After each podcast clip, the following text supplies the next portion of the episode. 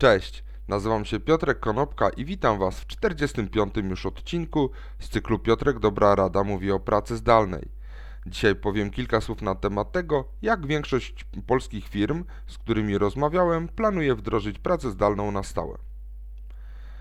Menedżerowie średniego szczebla z firm, e, z którymi właśnie rozmawiałem na ten temat, odpowiadają za wdrożenie pracy zdalnej i pracują dla organizacji zatrudniających od kilkuset do kilku tysięcy pracowników. 13 marca, jak większość firm, dali laptopy swoim pracownikom z informacją: idźcie do domów pracować, nie wiadomo kiedy wrócicie do biura.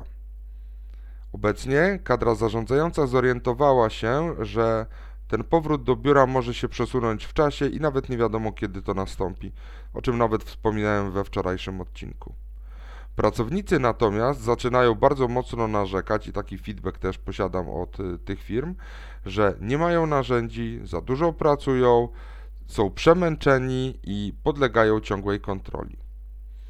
Pokazałem tym firmom, w jaki sposób można wdrożyć pracę zdalną, łącznie z informacją, że praca zdalna to jest tak naprawdę kultura organizacyjna oparta na otwartości, oparta na zaufaniu, oparta na efektach pracy i rozliczaniu tychże efektów, a nie rozliczaniu dupogodzin czy pozorowaniu pracy.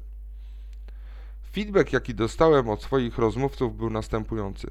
Człowieku, przecież nasze organizacje nie są w ogóle gotowe do tego, żeby pracować w otwarty sposób. Przecież jesteśmy zarządzani autorytarnie. To, co proponujesz, to jest bardzo piękna idea, natomiast my zamierzamy wdrożyć to troszkę inaczej. To znaczy, napiszemy instrukcję obsługi, jak należy korzystać z Teamsa, Webexa czy innego Zooma, i ludzie niech dalej sobie sami radzą. Nie będziemy się zastanawiali nad tym, w jaki sposób siedzą w domach i czy mają jakieś miejsce do pracy, czy nie. Przecież to nie jest w ogóle nasz problem. To jest problem wyłącznie pracowników. Jak powiedział Peter Drucker, kultura zjada strategię na śniadanie.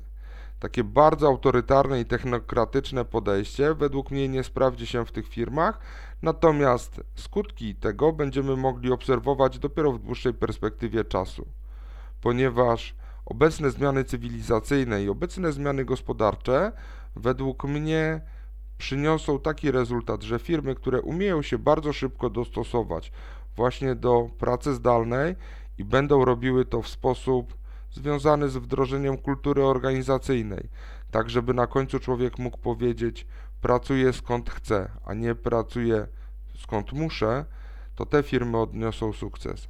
Natomiast firmy, które będą miały podejście bardzo autorytarne i bardzo nakazowe, według mnie będą traciły swoją przewagę konkurencyjną w dłuższym horyzoncie czasu. Dzięki serdeczne, do zobaczenia i usłyszenia w poniedziałek. Miłego weekendu, na razie.